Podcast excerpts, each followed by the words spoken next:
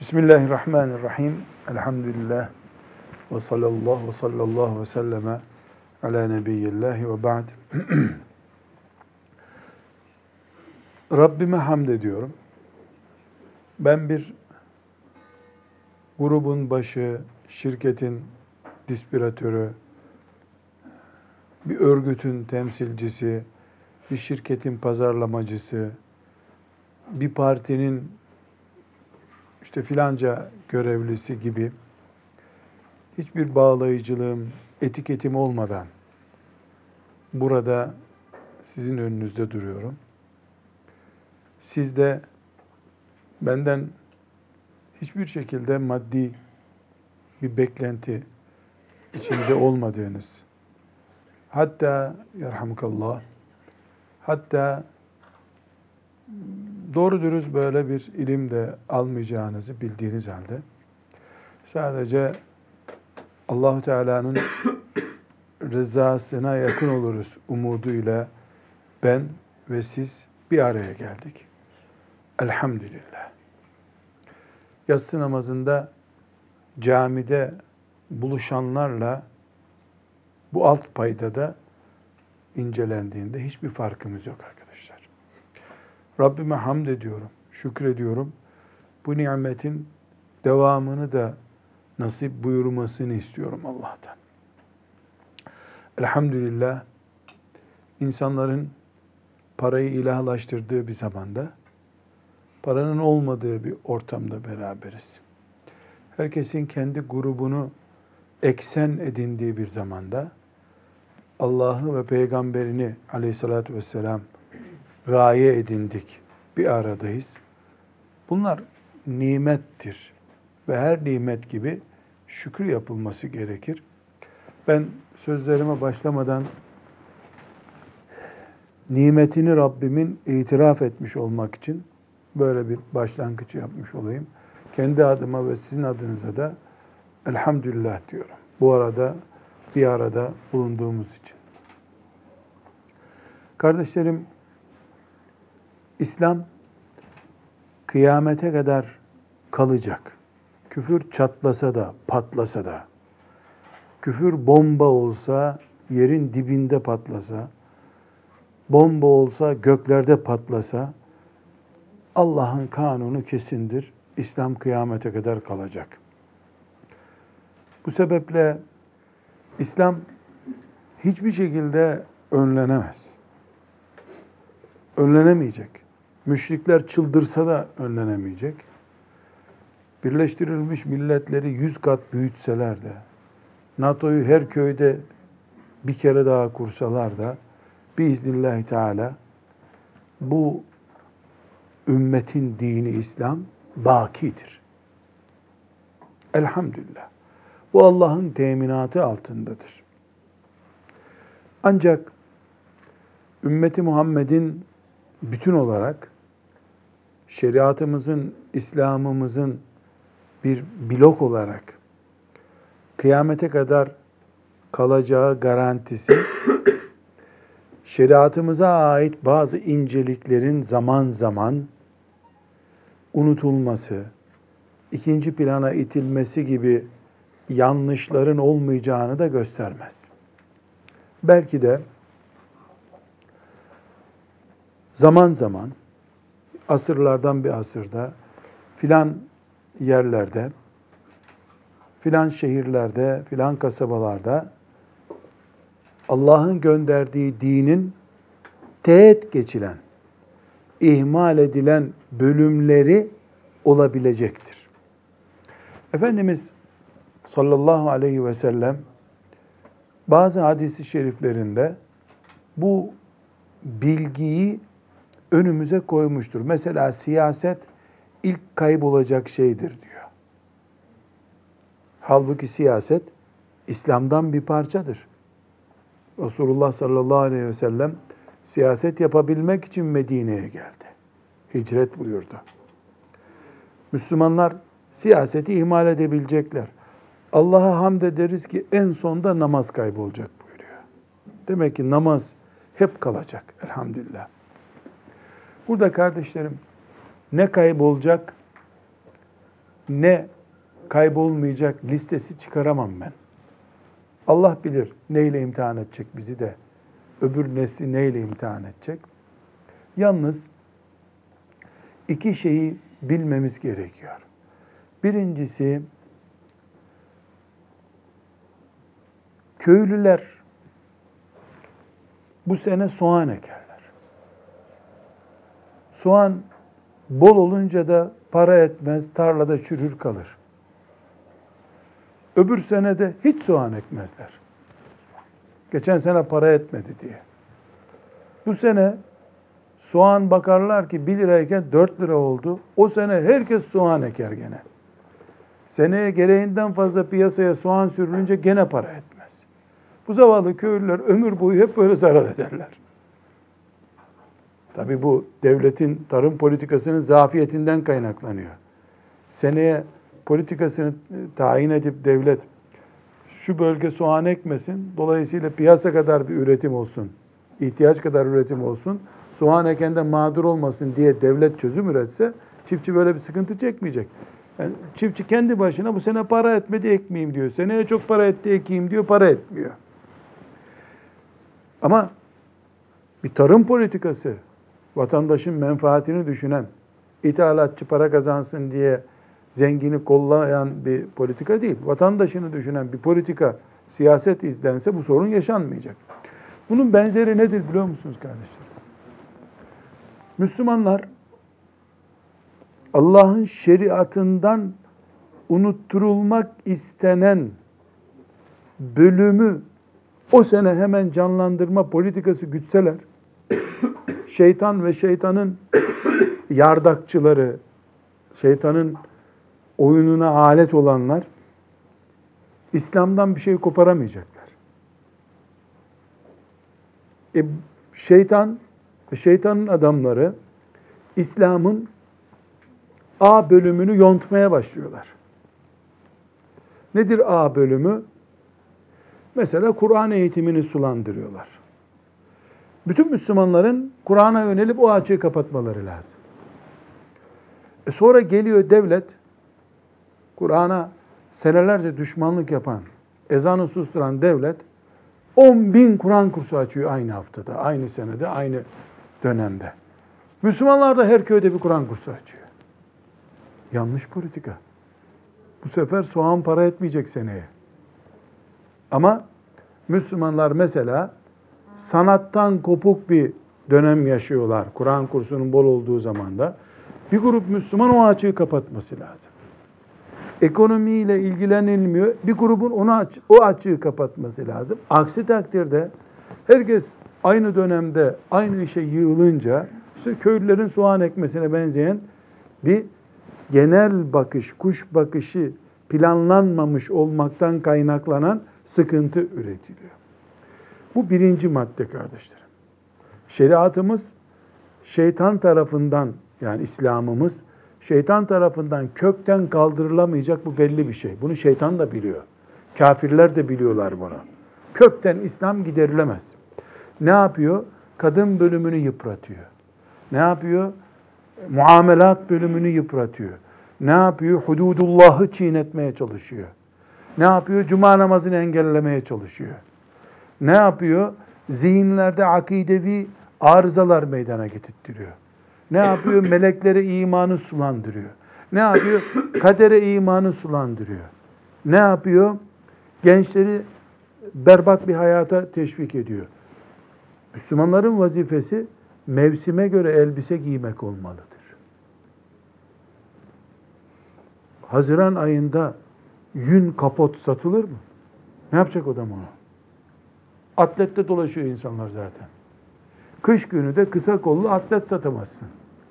Yani mevsim neye zorluyorsa iyi bir aklı olan parayı tüketme kültürü diye bir kültürü olan o yönde harcama yapar. Ben bilmem arkadaş. Ben her zaman palto alırım. Haziranda da palto alıyor. Ocak ayında da palto alıyor. Buna ticaret denmez. Parayı boşa harcamak denir. Ümmeti Muhammed'in bir kültürü, bir politikası olması lazım. Şüphesiz bizim gibi böyle bireylerin oturup toparlayacağı bir şey değil. Ümmetin halifesi olacak, ulema meclisi olacak, şurası olacak, bu kararlar ona verecek ama o yoksa biz onun için çalışacağız bu sefer. Açık o demek ki. Bu birinci maddemiz kardeşlerim. İkinci madde bu bahsettiğim şeyden bir noktaya geleyim.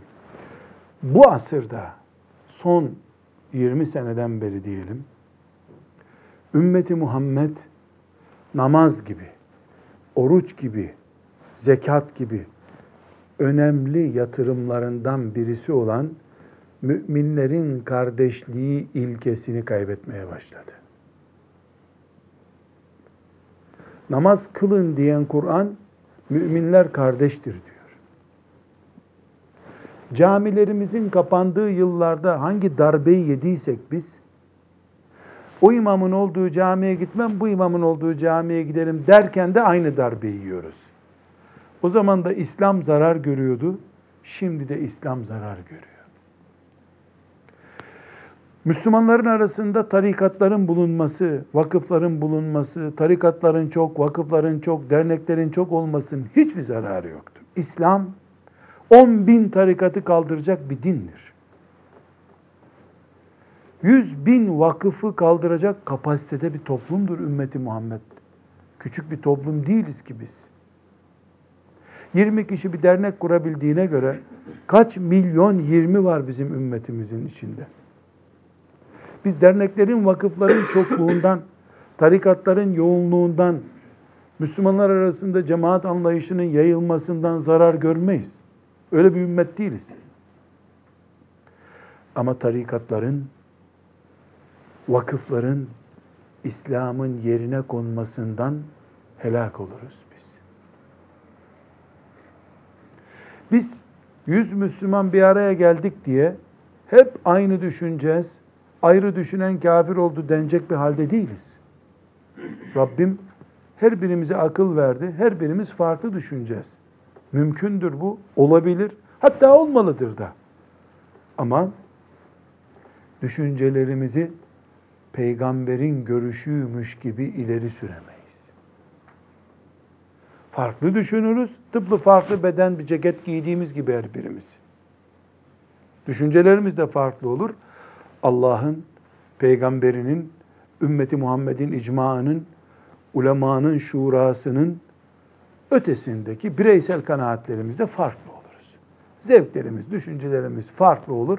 Bundan ümmetimiz de zarar görmez, biz de zarar görmeyiz.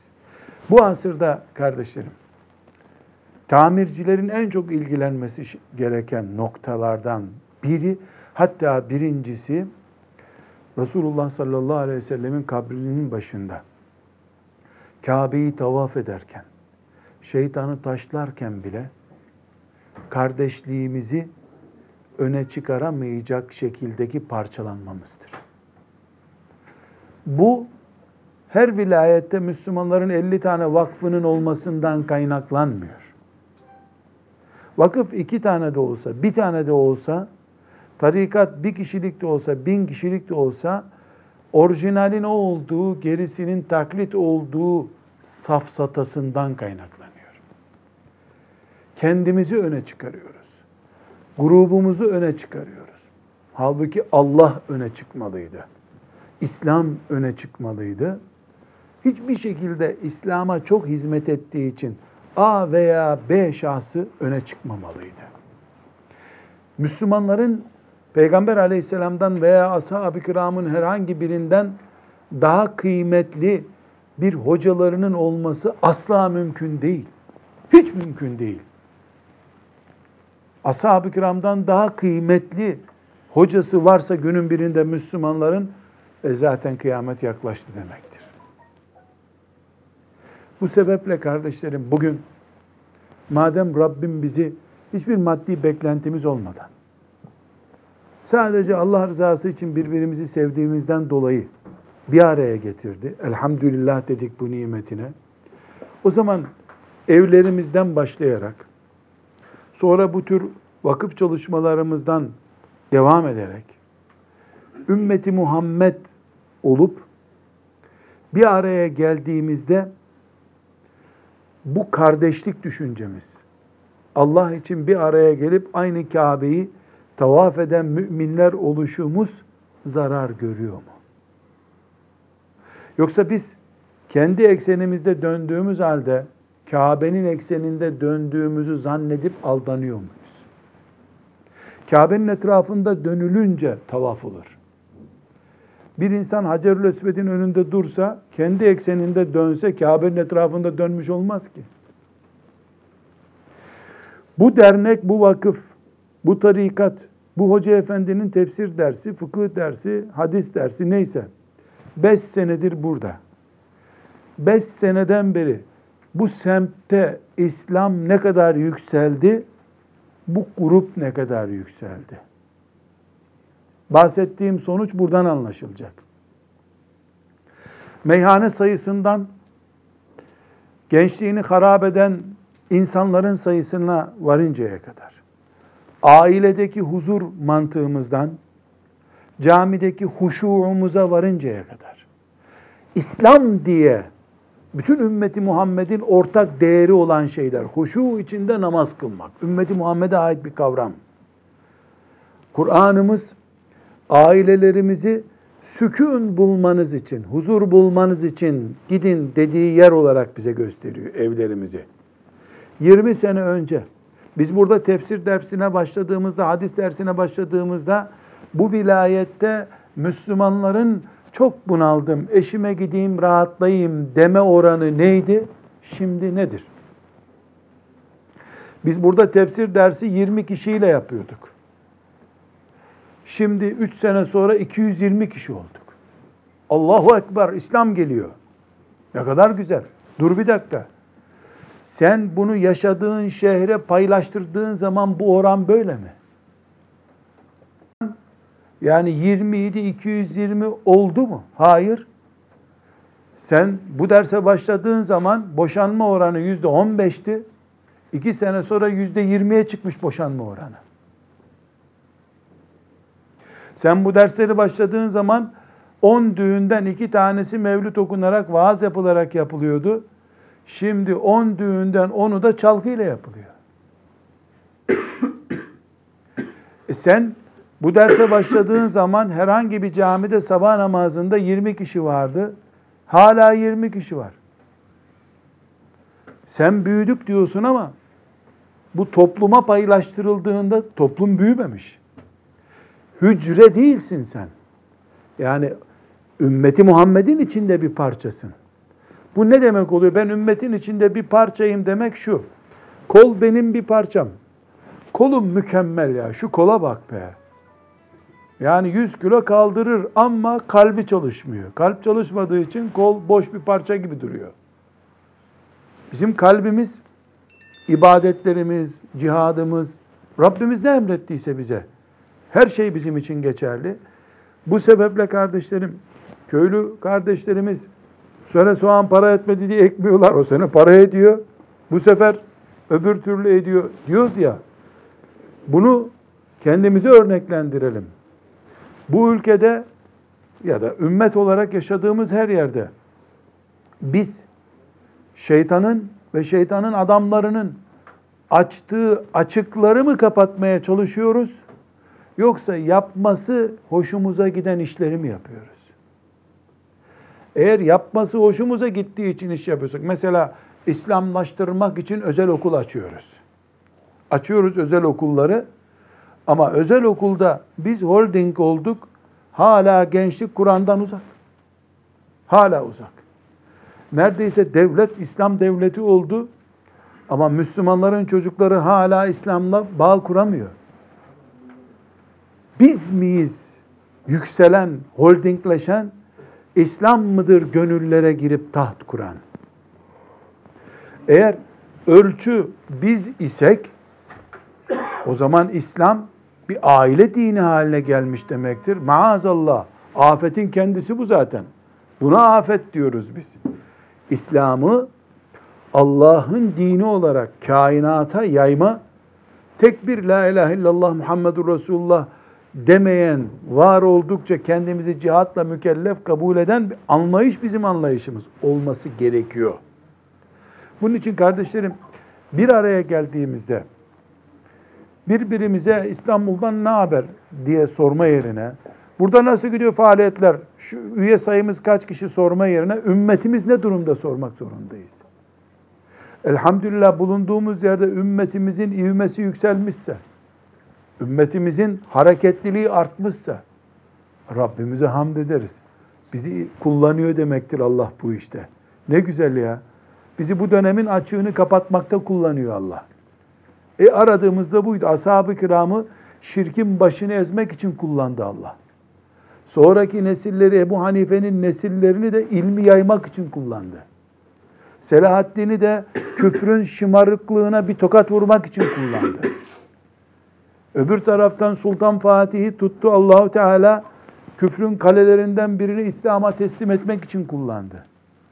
Bize biçtiği rol de ezanı susturulmuş bir yerde ezanla kalkıp camiye giden bir nesil yetiştirmektir. Allah'ın şeriatının hududullahı reddedilmiş. Hacca gidenler bile Allah'ın hududunu yani en ağır hükümlerini çok basit bir üslupla tenkit edebiliyorlar. Bu zamana Allah'ın konuşmasının yakışmayacağını söylüyorlar. Ölürken iman ettikleri Allah'ı diriyken görmek istemiyorlar. Şeriatını ayıplı kabul ediyorlar. Bu dönemde bizim hac kampanyaları yapmamız akıl kârı değildir. Umre kampanyası yapmamız akıl kârı değildir. Gençlerin sera serpa rezil oldukları, ahlakın sıfır olduğu bir zamanda Müslümanların paralarını umre yollarında harcamaları hangi şeriata göredir? Ne akıl kârıdır bu? Gençlerin internetten dünyanın her tarafındaki zina yollarına dadandıkları bir zamanda Müslümanlar umreyi değil, gençlerin düşünmek zorundalar. Gençlerin ahlakı sıfırlanmış bir ümmet Kabe'de tavaf ederek, dua ederek açık kapatabilir mi? Bak soğan yok. Piyasası düştü soğanın. Neredesin sen? Sen hala patates ekiyorsun. Bu bir vakıf görevlilerinin, ümmet adına bir araya gelenlerin düşünmesi gereken bir şeydir. Tabelaya İslam ismini yazmakla vakıf İslamlaşmıyor ki. İhtiyaç olan şeyi karşılamadıktan sonra sen herhangi bir ticari değer taşımazsın. İnsanların yumurta, süt ve peynire ihtiyacı varsa un sattığın zaman iflas edersin sen. Çünkü insanlar yumurta, peynir veya şeker almak için geldiler. Onun yerine un al derse niye alsın ki un adam? Şu anda ahlak erozyonu olan bir zamanda umre kıtlığı yoktur. Umreye beş sene sonra da gidebilir insanlar. Umre ibadetimizi özellikle zikrediş nedenim çok uç bir örnek olarak durduğu için. Yoksa haşa umreyi maazallah mümin olarak ölmek isteyen birisi umreyi tahkir etmez. Ben umreyi tahkir etmiyorum. Zamanı mı diyorum? Yani cuma ezanı okunmuş, cumaya gitmek İslam'ın şairinden birisi. Ey Allah'ım senin kitabına doyamadım ben. Evde bir cüz Kur'an okuyayım dese iyi bir iş yapmış oluyor mu Müslüman? Cuma saatinde evde Kur'an okunur mu? İstersen 10 cüz Kur'an oku. E ne olarak dirileceksin? Cuma'yı kaçırmış biri olarak dirileceksin sen. Yani bugün kardeşlerim ben bir soru soracağım. Çocukları toplayıp mesela 100 tane lise talebesini toplayıp ilk 10 ders ne yapalım sorulduğunda hemen elif cüzü alıp çocuklara Kur'an mı öğretelim yoksa yavrum gel bakayım taharet nasıl yapıyorsun tuvalette bunu anlat. Bir de gusül abdestiyle ilgili bir döküman ver bize bakalım. Sen gusül biliyor musun lan? Hangisi daha önemli sizce arkadaşlar? Cünüp birine Kur'an öğretmek mi faydalı? Yani guslün ne olduğunu, ne zaman gerektiğini 15 yaşına gelmiş bilmeyen birisi. Kur'an öğretsen ne olur? Tevrat öğretsen ne olur? Cünüp cünüp Kur'an'a tutması haram onun zaten. Kur'an okuması haram. Namazdan bile önce gusül. Ama şimdi Müslümanlar soğan ekmenin zamanı değil. Geçen sene para etmiyordu soğan. Bu sene de ekmiyorlar. E gel bu çocuğa guslü öğretelim desen, ya boş ver Kur'an öğretelim gibi. Kur'an büyük bir kelime çünkü. Kur'an büyük ama cünüp için tutabileceği bir kitap değil. Bir zamanlama politikamız olması lazım. Yani biz Allah için çalışıyoruz ama cuma saatinde cuma kıldır. Allah için Kur'an okunmaz. Vakti değil. Vakti değil bunun. Derler ki İbn Hazm isimli meşhur fakih kuvvetli bir fakih zattır. Rahmetullahi aleyh. Bir menkibe olarak yani ayet hadis değil bu anlattığım. Endelüslü, saray çocuğu yani zengin aile çocuğu. Bir gün öğleden sonra camiye gitmiş işte ikindiyi bekliyor. Oturmuş namazı bekliyor ama alim değil bir şey değil 15 yaşında genç biri. İhtiyarın biri yanaşmış evladım demiş sen Resulullah tanımaz mısın demiş. Nasıl tanımam demiş. Camiye geldim görmüyor musun? Edepsiz, edepsiz herif demiş. Tahiyyetül mescit kılsana ya. Geldin camiye samanlık mı burası oturuyorsun böyle demiş.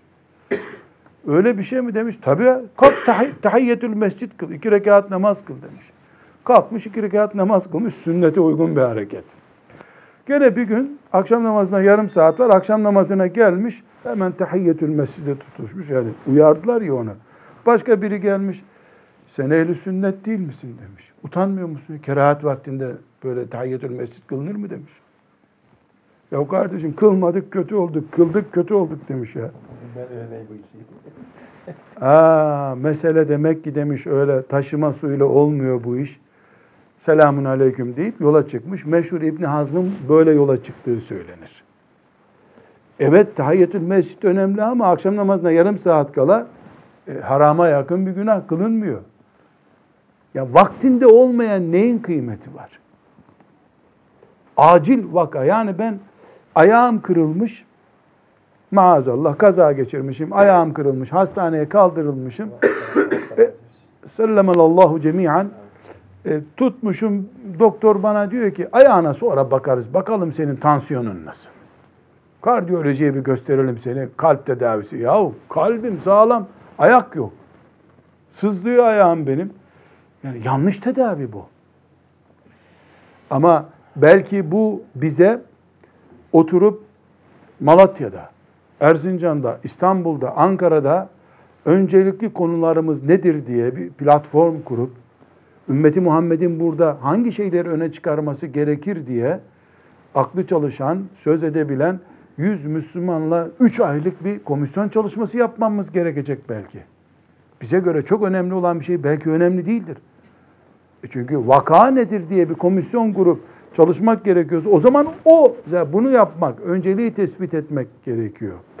Kardeşlerim biz madem Allah rızası için bir araya geldik, birbirimizden bir beklentimiz yok. Sadece Rabbimizin razı olacağı bir, bir saat geçirelim diye biz buradayız. O zaman bu hakikatları bu şekilde konuşalım. Bu ümmetin bugünkü sorunları üzerinde çalışalım biz. Bugün dedik ki verdiğim örneklerde çarpık kabul edilebilecek bölümler var kardeşler. Cuma saati Kur'an okuyan Müslümanın komikliğini anlattım. Çocuğa Kur'an öğretmeden önce guslu öğretmek gerekir dedim. Çünkü cünüp Kur'an'a tutamaz. Belki çocuklarımızın oruçtan önce helal lokma diye bir kaliteli yaşam tarzını öğrenmeleri gerekiyor. Ramazan orucuna 10 yaşında başlamasındansa 10 yaşından itibaren haram rızık nedir, helal rızık nedir bunu öğrensin. Çünkü orucun kazası olur.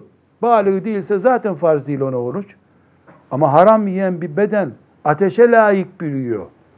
Ateşe, ateş için beslenmiş bir et parçası olarak büyüyor. Allah muhafaza buyursun. Belki kardeşlerim bugün bu e, 2015 yılında öne çıkarmamız gereken, vakıflarımızı, derneklerimizi, gönüllerimizi birleştirmemiz gereken şey hepimizin ortak karar vermesi gereken şeydir. Belki küçük çocukları olan kardeşlerimiz kreşler açalım diye bir gayret içinde olacaklar. E, büyük çocuklarıyla baş edemeyenler delikanlıları zabıt okulları açalım desin mesela. Ne bileyim yani belki bunların ortalaması bulunacak. Şehirden şehire farklılık olacak. Doğudaki kardeşlerimizin derdi başka, batıdakilerinin başka olacak. Tefsir dersi yapmak bunu sadece oyalamaktır arkadaşlar. Yıllarca hoca efendilerin bir slogan olarak kullandıkları ama hiçbir işe yaramamış bir sloganı ben size kullanayım. Kur'an'a dönmeliyiz. Sünnete sarılmadığımız için bu işler oluyor. Ay Allah senden razı olsun ya. Ben hastaneye gittim. Selamun aleyküm doktor bey tedaviye geldim. Sağlıklı yaşamak lazım diyor. Ya tamam sağlıklı yaşayacağım da sağlıklı yaşayacaksın, sağlıklı yaşayacaksın. Ya nasıl yaşayacağım sağlıklı? Kur'an'a dönelim. Peygamber aleyhisselamın sünnetine sarılalımın bir örneğini söylesene bana ne yapacağım ben ya? Neyle sağlıklı yaşamam gerekiyor benim? Demek ki biz bir tatlı slogan uydurmuşuz. Kim karşı çıkabilir ki Kur'an hak kitap? Vallahi doğru, billahi doğru. Ama nasıl Kur'an'a döneceğim ben? Yani sola doğru mu, sağa doğru mu dönünce Kur'an'a dönmüş oluyorum. Kendi kendimize kurduğumuz bir tuzak bu. Yani Kur'an'a dönelim sözü, sağlıklı yaşayalım gibi bir kelime. E sağlıklı yaşamayı sen bana tarif etsene. Sabahleyin pekmez mi içmem lazım mesela? Sağlıklı nasıl yaşayacağım? Spor mu yapmam lazım? Tıpkı bunun gibi ucu açık muğlak şeyler yerine acilen yapmamız gereken şeyleri kullanalım. Buna bir tane örnek veriyorum kardeşlerim. Ümmeti Muhammed olarak çimento kaybına uğradık biz. Kemiklerimizin kalsiyum kaybı gibi bir şeydir bu. Kalsiyum kaybettiğimiz için sık sık kemiğimiz kırılıyor. Biz ümmeti Muhammediz. Biz müminler olarak Allah'ın kardeş ettiği kullarıyız. Bu şuurumuz gitgide kayboluyor. Gitgide kayboluyor. Yarın öbür gün ha gavur ha benden olmayan bir Müslüman noktasına geleceğiz. Maazallah. Ha gavur ha da bizim tarikattan, bizim gruptan olmayan Müslüman seviyesine geldik mi ne İsa'yı beklemeye gerek kalır ne de Deccal'ı o zaman. Kendi Deccal'ımız olduk demektir. Oturalım, Kur'an'a dönelim yerine Kur'an adına ne yapalıma dönmek politikaları güdelim. Derneklerimiz bunu yapsın. Üç ay, beş ay bu sürsün. Bunu rapor etsinler. Bu raporları bütün derneklerle paylaşsınlar. Vakıflarla paylaşsınlar. Tepkileri dinlesinler. Bu arızayı biz gidermezsek tedavi etmediğimiz hastalığımızın üzerinden şeytan hepimizin akıbetini hazırlıyor. Allah yardımcımız olsun. Tekrar Rabbime hamd ediyorum. Sizinle bir arada oldum. Razı olacağı bir iş yapmaya çalıştık. Siz de dinleyerek o işi yaptınız. İnşallah Rabbimiz bunu amel olarak kabul buyurmuştur. Bize ecir yazmıştır. Velhamdülillahi Rabbil Alemin.